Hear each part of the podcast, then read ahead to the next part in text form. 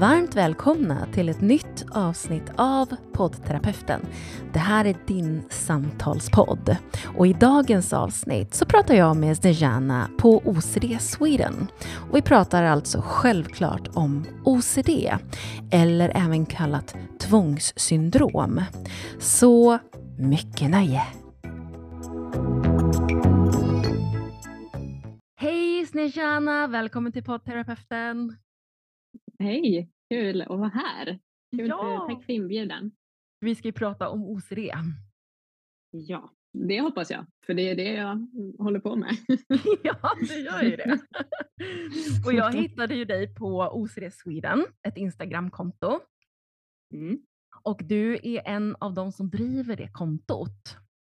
det stämmer. Ja, och jag såg dig första gången när du hade en intervju med en annan person då om just OCD och jag tyckte att det var så himla bra och intressant. Jättekul att höra att, eh, att det når ut. Ja, det gör verkligen det. Men ska Mm. vi börja till lyssnarna från början? Vad är OCD? Vi börjar där. Ja, vad är OCD? OCD är ju på svenska då tvångssyndrom eller på engelska obsessive compulsive disorder. Och det består ju då utav eh, den eh, obsessive-delen är ju tvångstankar, ofrivilliga tankar då som, som personer har, eh, som man inte vill ha. Och den andra delen är då, så att man får ju ångest av de här tankarna. Eh, för det här är väldigt påträngande tankar, väldigt obehagliga tankar eh, som kan komma i, kan se väldigt olika ut, väldigt personligt. Ehm, och den andra delen är ju eh, tvångshandlingarna i det här. Och det här, då är det ju att eh, man gör någonting för att försöka få bort den här ångesten och då kallas det för en tvångshandling. Så ett exempel, ett typiskt exempel skulle vara till exempel med renlighetstvång. Ehm, och då kan det ju vara väldigt olika teman kring det också. Men vi säger att en person som är rädd att få på sig bakterier då, så skulle då ehm, känna kanske att den tagit på någonting och sen känna ett behov av att tvätta händerna. Och det här handtvätten skulle då vara en tvångshandling för att lätta på ångesten då. Ehm, och det som sker med tvångshandlingarna är att det underlättar under en liten period och sen så kommer tänk om tankar. Tänk om jag inte tvättade tillräckligt. Är det här, nu har jag rört den här saken eller det här och det här och så fortsätter det. Då måste man tvätta om och tvätta om och tvätta om och, och ja, de som har det här kan ju stå i flera timmar eh, och göra det här och det tar ju över personens liv. Och det här är bara ett tema i väldigt, väldigt många, från väldigt, väldigt många teman då som man kan ha med OCD. Så det här är en fysisk tvångshandling. Sen finns det också mentala tvångshandlingar. Eh, så mentala tvångstankar och mentala tvångshandlingar som ser lite annorlunda ut. Men är samma, uppbyggt på samma sätt. Men det finns ju eh, kriterier då för att man ska ha, eh, få diagnosen. Så bara för att man har, alla människor har tvångstankar. Det är inte det som är problemet, det är ju hur mycket tid de tar upp av ens vardag, hur mycket de påverkar en, äh, ångestnivån, tvångshandlingarna som man gör. Så att eh, minst ska du ta upp en timme om dagen. Gör man inte eh, fysiska tvångshandlingar så gör man mentala tvångshandlingar. Inom OCD. OCD har, är ju en, en diagnos. Alltså det, det brukar finnas i filmer och såna här saker att men den där personen håller på med det där eller håller på med det där. Det är ganska mycket mytspridning om OCD har jag i alla fall fått en eh, föreställning om. Kan du känna igen dig i det? Eller kan, kan du känna igen det? Absolut. Absolut. Det är ju mycket det här, åh, jag är så OCD nu när jag behöver ställa de här sakerna till rätta. Mm. Eh, eller ha det prydligt. Eller eh, man har ju sett bilder på nätet på så här, tårtbitar som, är, eh, som någon har sk- liksom, ja, någon bit som eh, avviker från de andra. Och Mm. så blir det liksom så här, irriterar det här dig? Ja, ah, men du har OCD. Liksom. Att det, ja. Ehm, det är ju inte riktigt så OCD ser ut Nej. eh, för de som har diagnosen, verkligen inte. Och det här med renlighet eh, och ha saker prydligt, Um, det skulle jag säga är mer OCPD, att det är Obsessive Compulsive Personality Disorder. Och då, då är det ju mer att, att det, ja, um, mer in på, på det spåret. Um, men, men det stämmer det du säger. Det, det, är, en, det är så lite kunskap om diagnosen mm. eh, ute i samhället. Och jag tror att det är så många som lider i eh, tystnad för att man inte vet egentligen vad det är för någonting som man har. För att personer med OCD, det, de här tankarna som de har är ju sånt som går emot deras moral, går emot deras etik. De vill inte ha tankarna. De gör allting för att undvika att utföra det här. Men OCD brukar ju också kallas för tvivelsjukan. Det är att man tvivlar på sig själv. Om det finns en möjlighet, eh, då vill man som en person med OCD att få bort alla möjligheter som finns. Man vill ha fullständig kontroll. Ehm, så det är ett kontrollbehov då på sig själv. Ehm, är det. det är liksom, personer med OCD vill ju absolut inte ha de här tankarna, vill inte utföra de här handlingarna, men är rädda ehm, för att det ska ske ändå på något magiskt sätt. Och det finns ju som sagt jättemånga olika teman. Det kan vara magiskt tänkande. Om jag eh, till exempel, jag, hade så, jag har ju själv diagnosen också det. Så att när jag var yngre då hade jag liksom magiskt tänkande tvångstankar som att om jag tittade på eh, en viss person och tänkte någonting negativt, då överförde jag negativ energi så att den skulle bli sjuk till exempel. Så, och då behövde jag göra tvångshandlingar för att få bort det som också var helt ologiska som att titta på ett hörn och svälja saliv. För att då, då var det som att jag tog det istället, den här negativiteten då. Um, men det är de här olika tron man har om att tankarna, bara för att man har tankarna så betyder det en sak. Bara för att man har tankarna så kan de orsaka någonting um, som, som också ligger i grunden då som ett Eh, problem. Det touchar ju väldigt mycket på det här eh, området vidskepelse. Mm. Känner jag spontant när du berättar det där. För att vad det var då egentligen. Vi är ju mer eller mindre vidskepliga, men vi kanske var mer vidskepliga förr i tiden. Du vet det här, ja. man hade olika ritualer, att du skulle ta in en stål till stallet eller vad var det? Alla de här grejerna vi höll på med, alltså verkligen länge sedan. Ja men precis, lägg inte nycklarna på bordet. Och, eller, ja precis, ja. gå inte under en, eh, en stege eller eh, de här grejerna. Jag tittade på ett avsnitt av Below Deck, um, Sailing Yacht, och då berättade mm -hmm. kaptenen där att man fick inte ta, ta bananer ombord på, båt, på okay. en båt. För det betyder dålig, alltså bad luck. Mm. Jag tänkte så här, varför just bananer? ja, ja, men precis. Ja, varför finns bananer? Varför bananer? Och då är det så spännande för att det du beskriver nu, det påminner ju verkligen om det här. Att nej, mm. inga bananer ombord. Liksom. Nej, nej precis. var, kommer det ens ifrån? Liksom? Varför har man den, den föreställningen för sig själv? Ja, men faktiskt. Uh, men vad tror du då? Var kommer det ifrån? Um, jag tror ju att det har mycket att göra med grundrädslor. Ja. Någonting som är, som är ganska nytt eh, inom OCD nu då att eh, Eh, gå in på. Det är väl, jag ser det som en försvarsmekanism mot någonting. Och då är det ju, tänker jag, att det finns grundrädslor i grunden och så, så att det, det är som rötterna på ett träd. Och sen har man trädet då, och så grenarna är de här olika teman som uppkommer utifrån de här um, grundrädslorna. Så till exempel en grundrädsla kan vara jag är rädd för att vara en dålig människa. Um, och, men det är också väldigt personligt, för någon kan ha jag är rädd att vara en dålig människa, en annan kan ha jag är rädd för att vara ensam. För att om man är en dålig människa så kanske man blir ensam eller utesluten ur gruppen eller samhället och sådär.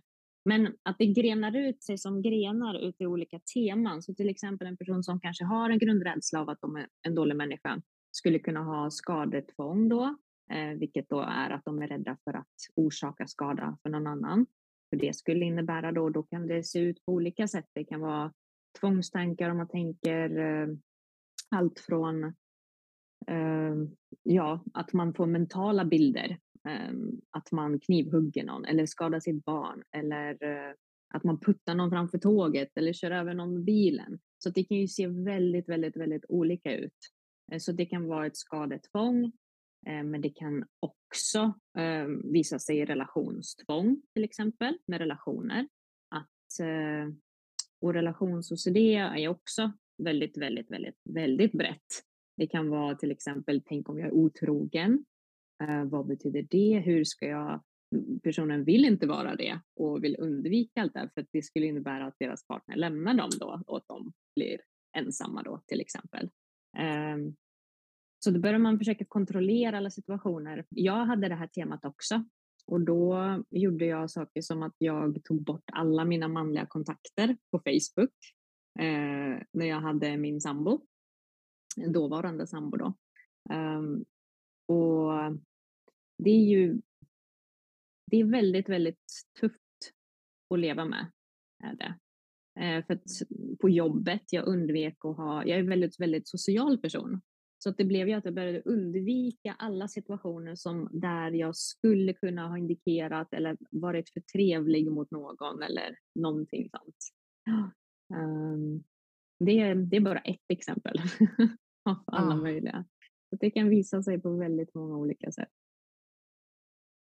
Men de här grundrädslorna som du, som du sa där, vad, mm. vad kan det då vara? Vad kan det handla om? Är det någonting då som man har upplevt kanske som har blivit ett trauma och satt sig i kroppen eller handlar det om erfarenheter eller vet, vet man ungefär var, varför då personer med OCD är de som inte riktigt kan släppa det inom situationstecken? Nej du, eh, jag vet inte. Det, jag kan bara prata personligen för mig själv. Och mm, en av mina största grundrädslor är att jag inte ska kunna leva innan jag dör. Att, att lite känna sig levande död sådär. Och det är det så, så, så det har känts för mig under många, många år. För det är ju som en cirkel med till exempel, och då har det visat sig hälso, hälsotvång för mig, um, som också då hälsoångest. Att uh, varje måndag så ringde jag till läkaren och jag hade någon ny uh, grej som jag var rädd för. Skulle, att jag inte skulle liksom överleva. Um, och sen så fortsatte det. Att varje, så, så fick jag, när jag gick till läkaren så fick jag bekräftelse. Nej men det är ingenting det här. Och så kunde jag vara lugn i några dagar och nästa måndag så ringde jag igen. Det var som en, som en rutin liksom. Jag var där varje vecka. Och så där höll det på väldigt, väldigt länge. Eh, och, och jag såg triggers överallt. Eh, gjorde jag. Vad var det som kunde trigga dig? Allt från eh, läsa om någonting på Facebook till att höra någon berätta om någon sjukdom eller att de har, eh, ja det kunde vara allt från liksom eh, om någon har sett någon knöl eller någon känt det här eller eh, man har använt det här medlet eller vad som helst egentligen så kunde det trigga eller någon har eh, ehm, till exempel så här, plocka svamp ute i skogen så kan man så finns det den här parasiten och får man i sig den, ja men då dör man sakta inom 10 till 15 år utan att man kan göra någonting åt det. Så mm. det, det, det, går väldigt, väldigt djupt. För problemet är ju egentligen inte tankarna, det är den här ångesten som uppkommer med det, eh, som blir ohanterbar och sätter in en i en spiral av grubbel. Och grubblande eller man ska säga ältandet är ju en tvångshandling också. Så ju mer man ifrågasätter sig, desto djupare går man in i det här ehm, och desto starkare bekräftar man egentligen för sin hjärna att de här tankarna är viktiga. Mm. Och är det någonting viktigt så måste det lösas och det är det som gör det så svårt att släppa det, för det känns så viktigt att om jag inte löser det här nu, nu, nu, då går världen under. Ja. Och då kommer inte någon lösning och det är då det börjar snurra då? Snurra ja, runt. för den här lösningen, tvångshandlingen man gör, den håller ju i sig en väldigt, väldigt kort period. Ja. Det kan vara allt från bara några sekunder, några minuter eller några dagar och sen så kommer det om igen. För att man tar ju inte tur med problemet utan man eh, står och de här tvångstankarna man har är ju sånt som rör saker som man inte kan ha kontroll över i livet. Mm. Och försöka ha kontroll över någonting som man inte kan ha kontroll över. Mm. Det är ju, jag menar, det är inte möjligt. Så då kommer alltid tänk om tankar och det, då fortsätter det bara. Det är så intressant det du berättar om det här med kontrollen. Um, för att ångest är ju inte en, eh, nödvändigtvis en kontrollerande känsla eller tillstånd, utan det är nästan mer en förlam, ett förlamande tillstånd, alltså ett icke-drivande tillstånd framåt, medan OCDn är på något vis, den är drivande, den, är, den handlar om kontroll och det är därför de där två hör ihop då, tänker jag, utifrån det du berättar. Vill du, vill du förklara mer hur du menar med ångesten? För jag tänker att ångest är ju, skulle jag säga, en drivkraft. Mm. I och med att det är den man så gärna vill få bort. Ja, just det. Ångest för mig då um, handlar om att man är kanske rädd för olika saker som kan hända en. Liksom. Um, ja, det kan bli krig, det kan, jag kan bli smittad. Alltså saker som är utifrån, som sker utifrån. Det är en väldigt sådär mm. Eh, icke-agenskraft. Alltså det är, man, är, man är rädd för saker som kan ske än, alltså som kan hända mm. än. Medan OCD då, utifrån det du berättar, det här är bara tankar som jag får nu, det är mer att det handlar om att jag är agens i ångesten. Jag tar över den och driver den i någon mm. riktning. Liksom. Ja. Ja, så vi, jag, tr jag tror att vi, vi tänker lika. Liksom. Att mm. eh, ångesten är drivkraften, den kanske är bensinen då, i motorn. Men det är liksom Precis. OCD som är att man sätter foten på gasen. Mm. Precis, att det är jag som har kontrollen kan man väl säga. Eller ja. jag har det här i min hand och jag måste agera då för att det inte ska ske. Ja. Mm. Så på ett sätt så hör ju verkligen de här två ihop, fast med olika roller. Ja. Ja, nej, men jag förstår hur du menar. Ja, himla intressant. Det är ju mm, säkert många lyssnare också som, som lyssnar på dig nu och så här, ja men så där tänker jag också. Men det är precis som du sa så bra i början där, att ja men hur mycket påverkar det ditt liv? Det är väl det som är skillnaden.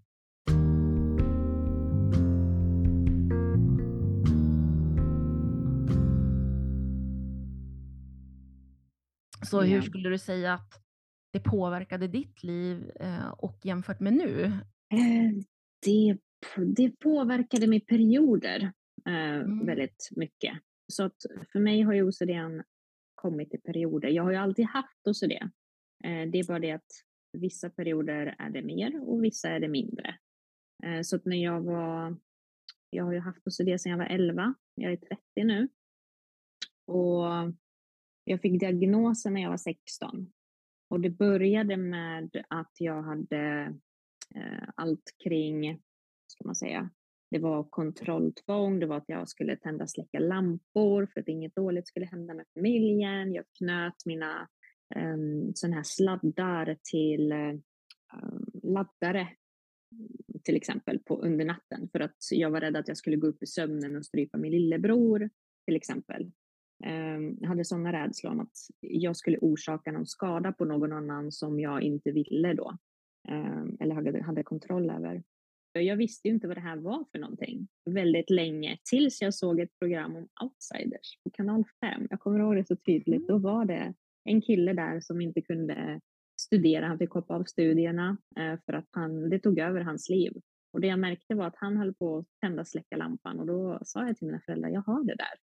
Ehm, men ehm, det, det var inte så att, att de snappade upp på det. Och, för de hade ju inte sett det här. Det här, är en sån, det här kan vara en väldigt, väldigt gömd sjukdom. Ehm, så att det syns inte utåt, utan mycket händer i huvudet. Eh, och tvångshandlingarna man gör kan man gömma väldigt, väldigt bra. Eh, det gjorde jag i alla fall, vet jag. Så att mina föräldrar hade ju ingen aning Eh, om det här. Så det jag läste på internet kommer jag ihåg så tydligt eh, om det första gången. Just tvångssyndrom. Jag tror det var efter det här programmet.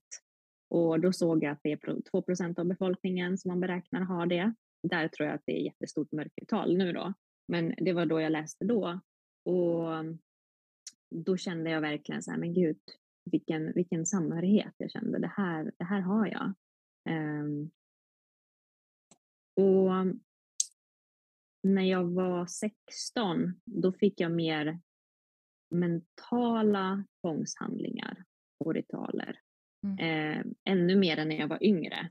Och då kunde det röra sig om allt från eh, eh, sexuell orienteringstvång, om att jag var rädd att jag skulle vara homosexuell när jag inte ville vara det. Mm. Eh, eller var kär i fel person. Och det här var, tog över så pass mycket att jag, kunde, jag, fun, jag fungerade inte. Eh, jag blev nästan liksom deprimerad. Jag gick som ett, ett vakuum under den perioden. Och det var då jag sökte hjälp själv. Eh, då sökte jag till vårdcentralen och så fick jag komma till en psykolog där som eh, var väldigt, väldigt bra för han snappade upp direkt vad det var eller vad det rörde sig om. Um, och då drog han den här typiska, ja men om du inte, försök att inte tänka på en rosa elefant i en minut. Ja, hur gick det? Ja, det ju mer man pushar, puttar ifrån någonting, desto mer vill det komma upp till ytan. Mm. Så det är det du försöker göra och det här är, låter som tvångssyndrom. Så, att, eh, så jag fick gå på gruppbehandling okay. Eh, på, i Stockholm mm. på ångestenheten tror jag det hette då. Var det. Ehm, mm, då fick jag gå KBT med ERP då, eh, exponering med responsprevention och det går ju ut på att behandling går ut på att man ska utsätta sig för eh, sina rädslor egentligen. Så nu menar inte jag om man är rädd att skada någon att man ska gå och skada någon. Man gör ju väldigt mycket. Ehm, det finns ju väldigt mycket som är tvångshandlingar. Så en person som är rädd för att skada någon, till exempel jag då, som såg de här mentala bilderna om att jag knivhögg min sambo. Mm. Um, jag gömde ju knivar hemma mm. så att jag inte skulle ha dem lättillgängliga. Och det är ju ett undvikande beteende kan man göra. Uh, eller Nej, det är, väl, det är en tvångshandling skulle jag säga. Men sen att till exempel inte röra vid en kniv eller inte laga mat och sådana här saker. Det skulle vara ett undvikande, att man undviker och låter kanske köpa mat ute eller vad det nu skulle kunna vara. Um, och det är ju sånt man utsätter sig för då, att till exempel inte då i exponering att inte gömma de här knivarna så att man får utsätta sig för den här ångesten då. Um, och det som du kanske hör är en väldigt, väldigt tuff behandling. Oh, kan det vara. Ja. ja. Nästan omänsklig eftersom ångest är ju någonting som vi alla människor gör allt för att slippa. Precis, och här plötsligt ska vi, man får ju ofta höra inom OCD, sitt med din ångest. Mm. Och det kan också vara missvisande, men men mer att man ska, man ska låta den vara där, låta tankarna vara där. Behandla tankar som tankar och de passerar. Lägg inte vikt på dem. Eh, fokusera på sånt som är viktigt för dig i livet egentligen. Eh, och inte försöka kontrollera det här då. Just det. Mm. Så till exempel en, tvångshandlingar kan ju se olika ut. Man kan mm. ju ha tvångstankar där man gör fysiska tvångstankar, till exempel nu går jag och tvättar mina händer för att jag ska bli ren, för att jag, jag är rädd att jag har någonting på dem. Sen kan man ha mentala tvångstankar. Det kan vara allt från att rabbla ramsor eh, som betyder någonting för en. Det kan vara att älta, till exempel att man går igenom i sitt huvud, till exempel mm, vart rörde jag precis vid det där? Rörde jag verkligen där? Var det smutsigt där? Och så försöker man hitta liksom de här svaren. Det är en tvång, typ av tvångshandling. Um, när det kommer till, och det här i olika teman, då kommer det till relationssociologi så kanske man går igenom och tänker vad, på vilket tonfall hade min partner när hen sa sådär? Och hur såg de ut? Man går liksom igenom i sitt huvud och verkligen ältar och grubblar över allting eh, och försöker få ett svar. Det är lite som att, som att försöka liksom lösa ett matteproblem. Och, um, det är en typ av tvångshandling. Sen kan man ha eh, försäkringar, söka försäkringar, en annan typ av tvångshandling. Och det är då till exempel att jag går och frågar någon, men tror du att jag är kapabel till det här? Eller jag är rädd för det här och då vill, då vill man höra lugnande ord egentligen. Nej, men jag Mm. har känt det hela livet. Du skulle inte göra så här och det är ingenting du står för och jag är inte rädd för att du skulle göra det. Mm. Och det tar bort ångesten en liten, liten stund men sen kommer det tillbaka just för att det är en tvångshandling då och tvångshandlingar göder OCD egentligen så det gör mm, vikten av tanken starkare kan man säga. Så det, och många personer tror ju att de hjälper när de, gör, när de ger försäkringar. Eh, men tyvärr så, så blir det ju att OCD blir starkare istället. Mm. Så till exempel personer som har eh, barn som har OCD och så vet man kanske inte vad det rör sig om men barnet kommer oroligt. Det, det första jag tänker det är att man vill stötta barnet i Mm. sina rädslor och lugna dem. Men rör det sig om OCD så blir det tyvärr omvänt. Att det blir starkare istället. Åh, vad tungt. Svårt. Mm. Jag känner att när jag, när jag lyssnar på dig så... Och jag tror också säkert att lyssnarna eh, verkligen också så här, det här är så viktigt, det här är så stort, det är så berörande och, och nu rör vi oss också i två världar lite grann. Dels din fantastiska kunskap som du har, men sen också din egna erfarenhet som då verkligen ger tyngd åt det du berättar. Så det är Mm. så, det är så starkt, verkligen. Det är Mm. potent och det är starkt, det du berättar. Otroligt, alltså jag sitter här med handsvett nästan för att jag tycker det är så otroligt eh, starkt, allt det du berättar. Det är som en, det är som en käftsmäll nästan. Mm. Huh. Ja, det, det är som en käftsmäll att leva med Ah, det. Är det. ah, Och jag är bara så glad att jag har kommit så långt i det. ja. Att det inte tar över mitt liv så som det gjorde innan. Mm. Ehm, Att jag faktiskt har verktyg nu som jag använder mig av ehm, dagligen. Och jag har absolut triggers och jag har absolut dagar med ångest och med tvångstankar och absolut gör jag tvångshandlingar då och då. Men nu gör, när jag gör dem så är jag medveten om när jag gör dem. Och nu har jag skapat ett rum för det här mellanrummet jag brukar liksom prata om. Att eh, med mer insikt som man får och ju mer man övar upp det här. För att jag ser ju lite OCD som ett, som ett beteendeberoende. Um, så att ju mer man gör någonting, vi är ju experter på att älta. Och då är det ju, kan det kännas väldigt svårt att sluta älta. Men då har jag, jag har ju läst väldigt mycket och då är det en psykolog som heter Michael Greenberg som um, pratar om eh, rumination-based ERP, då, som är rumine- ältande eh, exponering med responsprevention. Då. Och han, i hans behandling så lär han ut först hur man slutar älta. Och det Mhm. här, det här är ju inte någonting, måste jag näm- nämna också, det är ingenting som är forskat på, eh, som man har forskningsstudier på. Så att han gör ju det här eh, själv då. Okej. Och det är inte i Sverige, eh, men jag har lärt mig väldigt mycket av honom. Och när jag, har, när jag väl har förstått vad ältande är, hur tankeprocessen går till, vad som är skillnaden mellan att ha någonting i medvetandet till att lägga fokus, fokus på det. Hur, vart är det jag har kontrollen någonstans? Vart är det Mm. jag skapar mellanrummet? Och vart går det över till en tvångshandling som är ältande? Och ju mer jag har eh, övat på det här, för det är verkligen övning.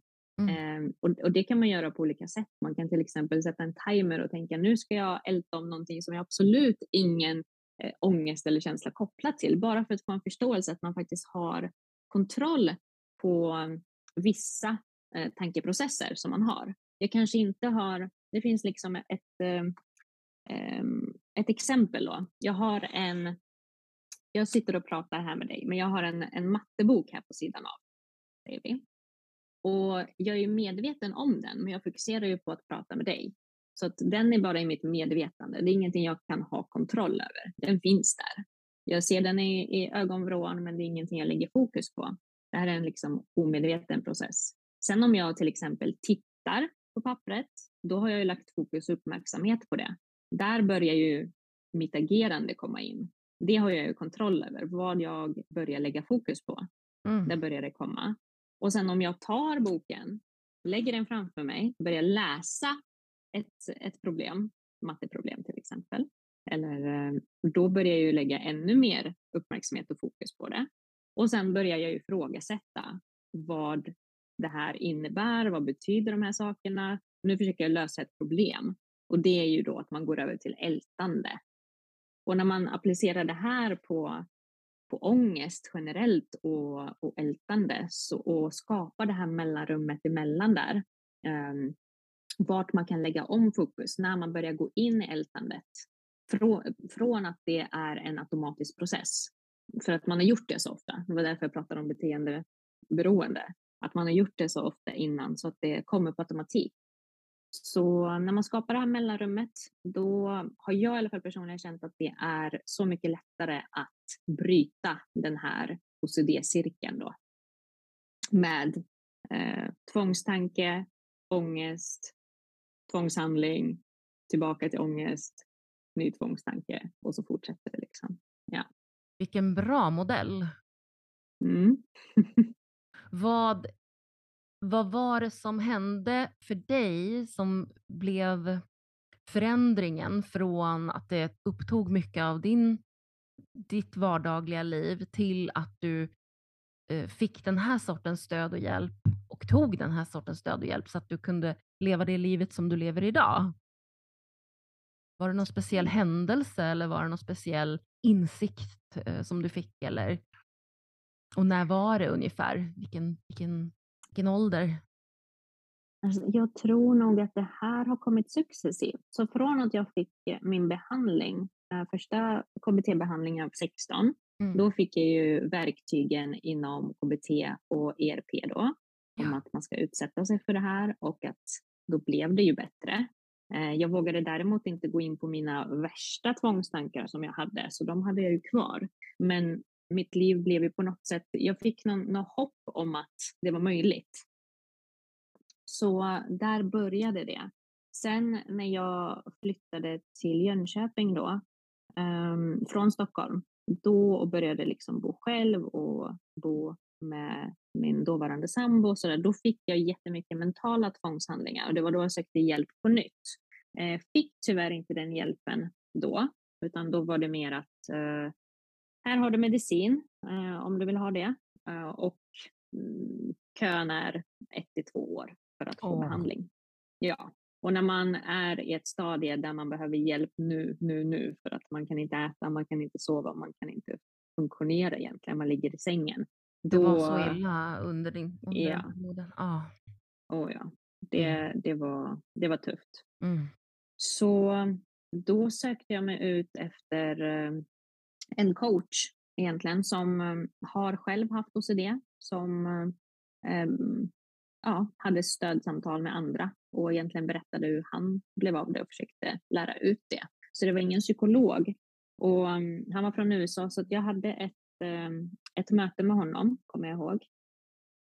Och det hjälpte mig väldigt mycket. För då började jag ju se personer som har gått igenom det jag gick igenom och mm. såg någon typ av hopp.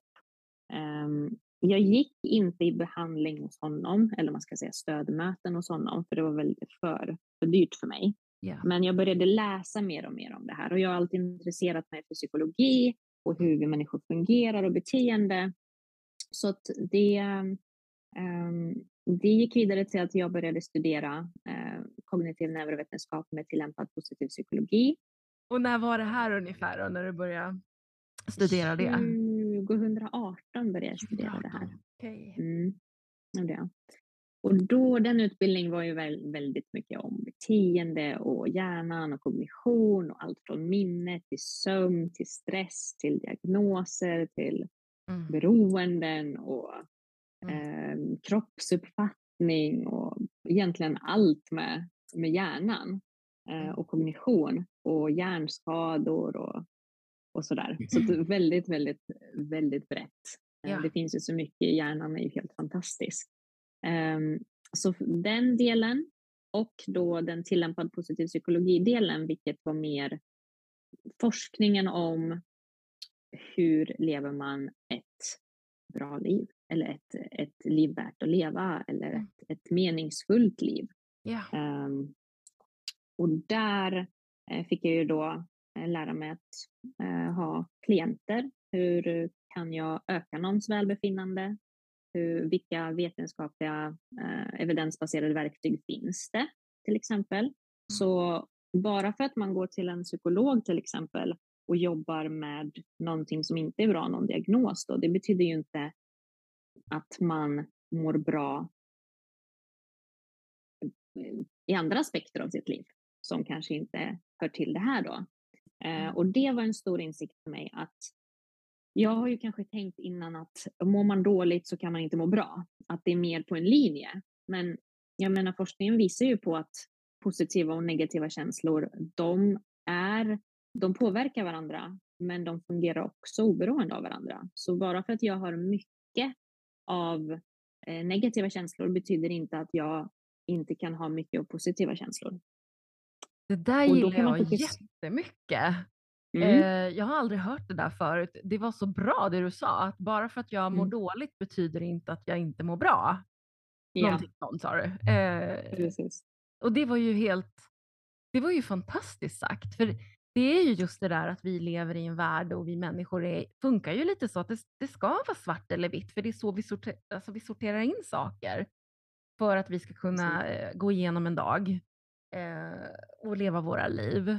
Och så är det ju så mycket mer komplicerat däremellan och det, båda kan finnas ju. Mm. Och de behöver inte nödvändigtvis vara mot, i motsats till varandra. Så det var så himla häftigt att du lyfte upp det så bra där. Mm. Det, det var en, en superinsikt för mig. Och det kan man göra på olika sätt. Jag kommer ihåg att i början så kände jag, men det här, vad, är, vad är det här till på positiv psykologi? Är det liksom rosa moln och allting är bra? Och, liksom, nu ska jag stå här och säga bra ord till mig. Liksom. Men nej, det är, um, det är så mycket mer. Och jag kommer ihåg ett tillfälle där vi hade um, Mindfulness and Kindness Meditation heter det i skolan. Mm. Och, och, jag gick där och så hade jag uh, den meditationen då och kände väl ja, det här var ju spännande. Man skulle liksom vara i olika stadier visa tacksamhet till um, ja, till exempel man skulle börja med att tänka på en person kanske, sen skulle man gå ut och zooma ut och tänka på ett ställe i världen som man vill liksom skicka den här positiviteten till och så. Um, och sen avsluta med sig själv, vilket brukar vara svårast mm. för många. Mm. Och efter den här meditationen kommer jag ihåg, um, jag kände ju ingenting direkt eller så, men nästa dag, jag kommer ihåg det så väl, jag mådde så bra. Alltså mm. det var mm. verkligen, det var, det var sån skillnad från hur jag mådde innan. Um, så det finns olika typer av verktyg man använder sig av för att öka sitt välbefinnande beroende på vad det är eh, man har då eh, för ja, ehm, aspekter i livet som man vill arbeta med. Det finns något som heter Quality of Life Therapy som jag jobbar mycket med när jag har egna klienter och då går man igenom sina livsområden. Eh, allt från relationer till eh, ja, mm, och vad det skulle kunna vara. Relationer, jobb, pengar, hobbys och och sådär. Och så fortsätter man. Man brukar ha 16 livsområden då och sen fokuserar man på vissa som man vill höja. Och beroende på vilken då så finns det olika verktyg för hur man jobbar med det. Eh, så när jag började göra alla de här grejerna, var det jag ville komma till, att under den här resan som jag gjorde när jag gick utbildningen så gjorde jag ju också en inre resa i det här. Att jag behöver, bara för att jag vet hur en behandling går till, bara för att jag vet vad jag behöver göra, vad jag ska göra för att det ska bli bättre, betyder inte att jag kan göra det. För vad behöver man om man ska kunna gå igenom en tuff behandling? Jo, men man behöver motivation, man behöver kanske mening, man behöver hitta saker som man um, vill i livet. Och jobba mycket, det här med förarbetet pratar jag mycket om, att, att jobba mycket med förarbetet kring OCDn för att ens kunna eh, gå igenom en behandling och bli bättre. För jag menar, det är många som går igenom en behandling som kanske får mer tid och får mindre tvångshandlingar och tvångstankar under sina dagar. Men vad ska de fylla det med? Och då kan man få ett bakslag med att bara för att jag inte har ångest betyder det då att jag är alla de här dåliga sakerna. Så det kan komma som bakvänt. Ja, åh, såklart. Eh, Ja. Ja.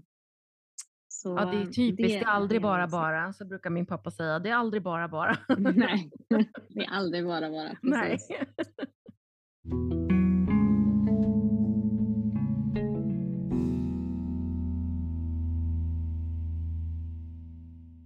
Så det är det du jobbar med idag? Eh, motiverar och inspirerar och föreläser och eh, delar ut kunskap och hjälper människor genom de här verktygen? Det är det jag gör privat då på sidan av. Det är inte Ja. någonting jag gör på fulltid, eh, men det är något jag vill bygga på Mm. längre fram också.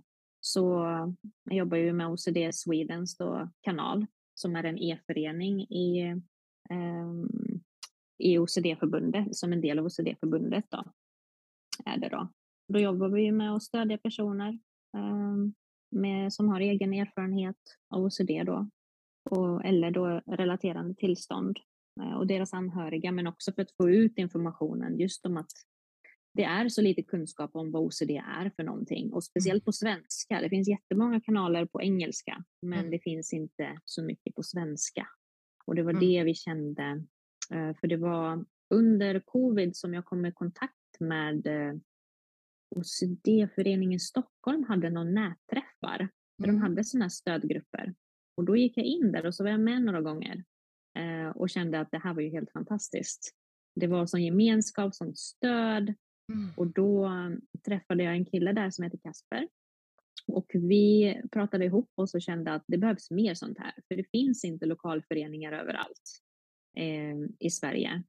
Och då, speciellt under covid, så ville vi då starta fler sådana här träffar. Så vi började göra att vi startade upp liksom ideella träffar eh, där man fick komma och då annonserade vi det i olika grupper på Facebook.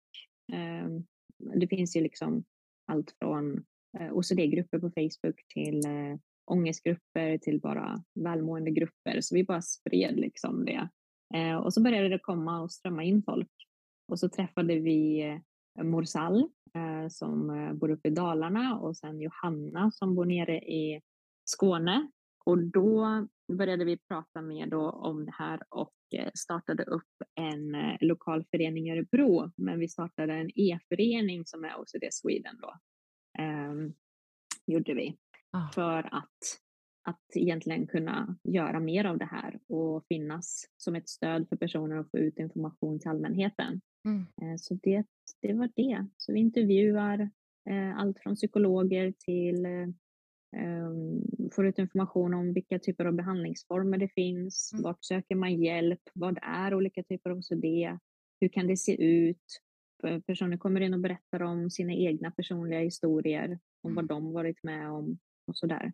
Mm. Så det, det är det vi gör. Jättebra jobb och så viktigt. Och vi kommer självklart lägga ut alla länkar i avsnittet hur ni kan eh, till OCD-förbundet men framförallt OCD Sweden och det kontot också. Så följ Mm. gärna det för det är verkligen så mycket bra grejer där. För det var faktiskt min nästa fråga. Om man misstänker att man har OCD eller att man verkligen lider av det, det påverkar en, eh, ens vardagliga liv på ett väldigt, väldigt stort sätt. Då, då kan ju det vara en bra idé att faktiskt klicka in på OCD Sweden och ta det därifrån, för all info finns där som du sa, Ja, vad man kan Verkligen. göra och sådär. det finns Ehm. där, det finns på OCD-förbundets hemsida. Ja. Eh, allt från vart det finns. För jag gjorde en eh, search här innan om vart det finns specialistvård i landet. Och så all den information finns på OCD-förbundets hemsida. Gör det. Ehm, det finns eh, också, eh, tänkte jag också nämna att är man intresserad av att till exempel ehm, vad ska man säga, vara informatör inom det här också. Vi söker ju alltid människor och OCD-förbundet söker alltid människor. Eh, så kan man göra det. Man kan bli stödmedlem. Man kan starta en egen förening inom det här.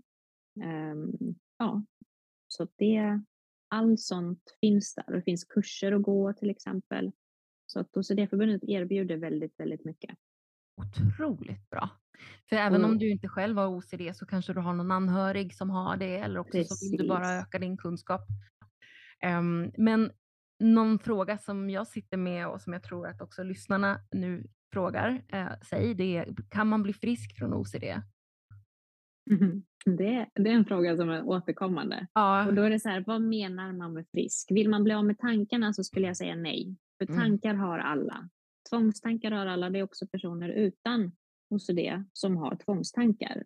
Eh, Så problemet är inte tankarna. Och när man har föreställning om att för att bli frisk och bli av med tankarna, då, då går det tyvärr bak åt fel håll. Ehm, men om man tänker då istället på hur man hanterar de här tankarna. Hur påverkar de här tankarna mig? Där tror jag att, där kan man säga, jag skulle, jag skulle räkna att vara frisk från OCD skulle då vara att man inte uppfyller kriterierna då för diagnosen. Och det är då att de här tankarna inte längre påverkar en så som de har gjort. Och att man inte undviker saker, att man inte behöver göra de här tvångshandlingarna. Um, men att man fortfarande har tankarna. Men att inte längre få den typen av ångest. Man kan få liksom, men det händer ingenting mer. Om man säger så.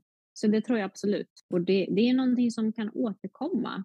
Så det är ju, jag menar, är man stressad i perioder, är det något traumatiskt som har hänt, är det Mm. en livsomställning, då kan det här blossa upp igen. Mm. Och då, jag menar, då får man ju ta tag i sina verktyg och, och fortsätta. Så att, mm, vad räknar man som frisk? Det är väl det mm, som, det är en definitionsfråga. Ehm, och, och gör det så mycket att det återkommer. Jag menar, en person med, med diabetes, när man tar sina eh, mediciner, kan leva ett bra liv. Så mm, var, varför skulle man inte kunna göra det med OCD, eh, med sina verktyg?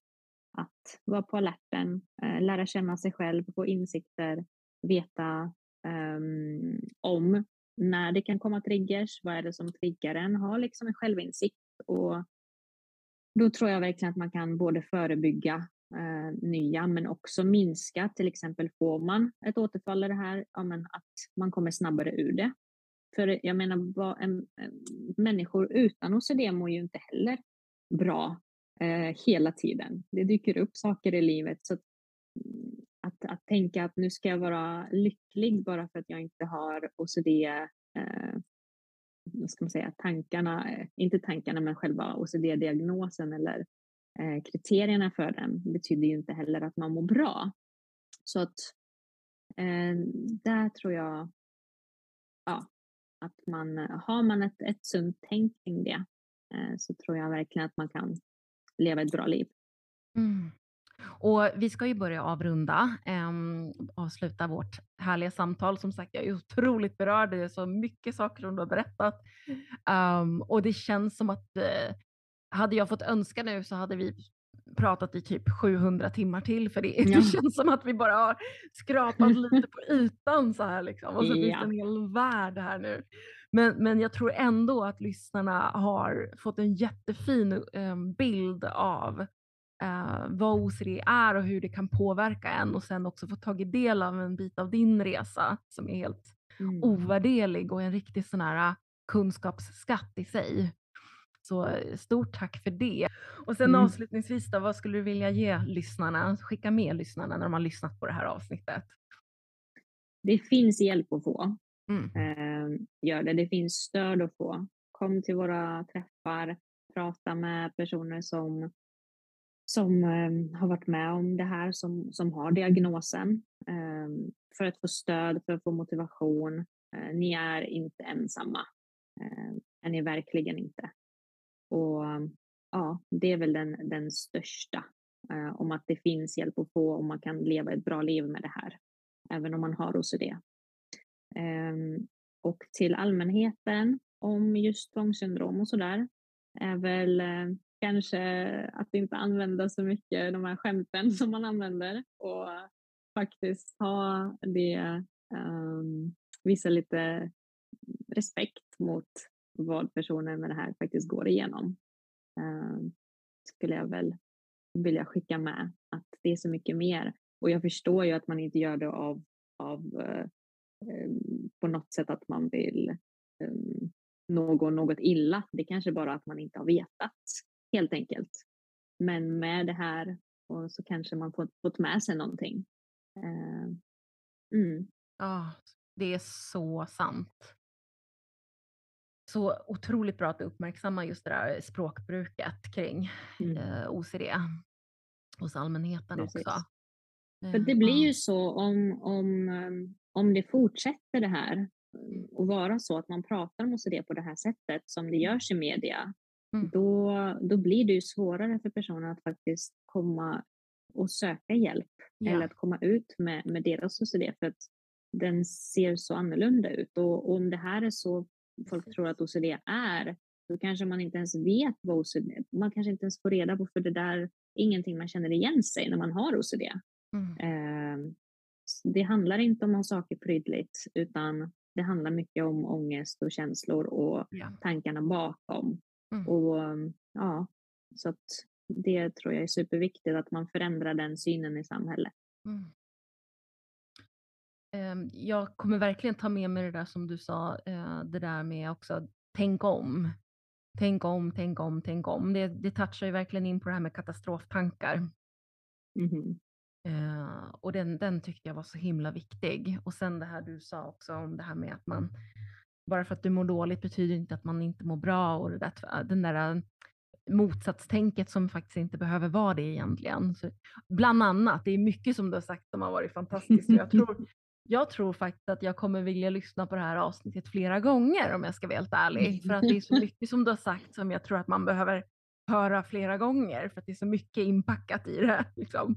Mm. Um, så uh, det, ja, Vi det får prata varit... mer helt enkelt kanske. Utveckla. Ja, det känns verkligen som det. det och jag håller med dig. Alltså, nej, nu gör vi så här helt enkelt att du kommer tillbaka för en del två eh, till podden. vi bestämmer det. Gör jag jättegärna. Och så får du komma på våra lives också. Ja, åh, det vore så himla roligt. Åh gud alltså. Och det kan jag verkligen också uppmana er lyssnare att gå in verkligen på livesen. De är fantastiskt bra. Um, och verkligen, du gör ett så bra jobb med att intervjua och så inkännande och respektfullt till de som du har som gäster. Det, så det är jättefint att se. Tack så, mycket, det värmer jättemycket. Ja, men bra. men då så, Snezjana, då ska vi avsluta för idag. Tack än en gång för att du var med. Tack för att jag fick vara här. Det var supertrevligt och vill alltid sprida mer information om OCD. Så det här är en möjlighet också. Så tack för det. Mm. Bra. Hej då! Hej då!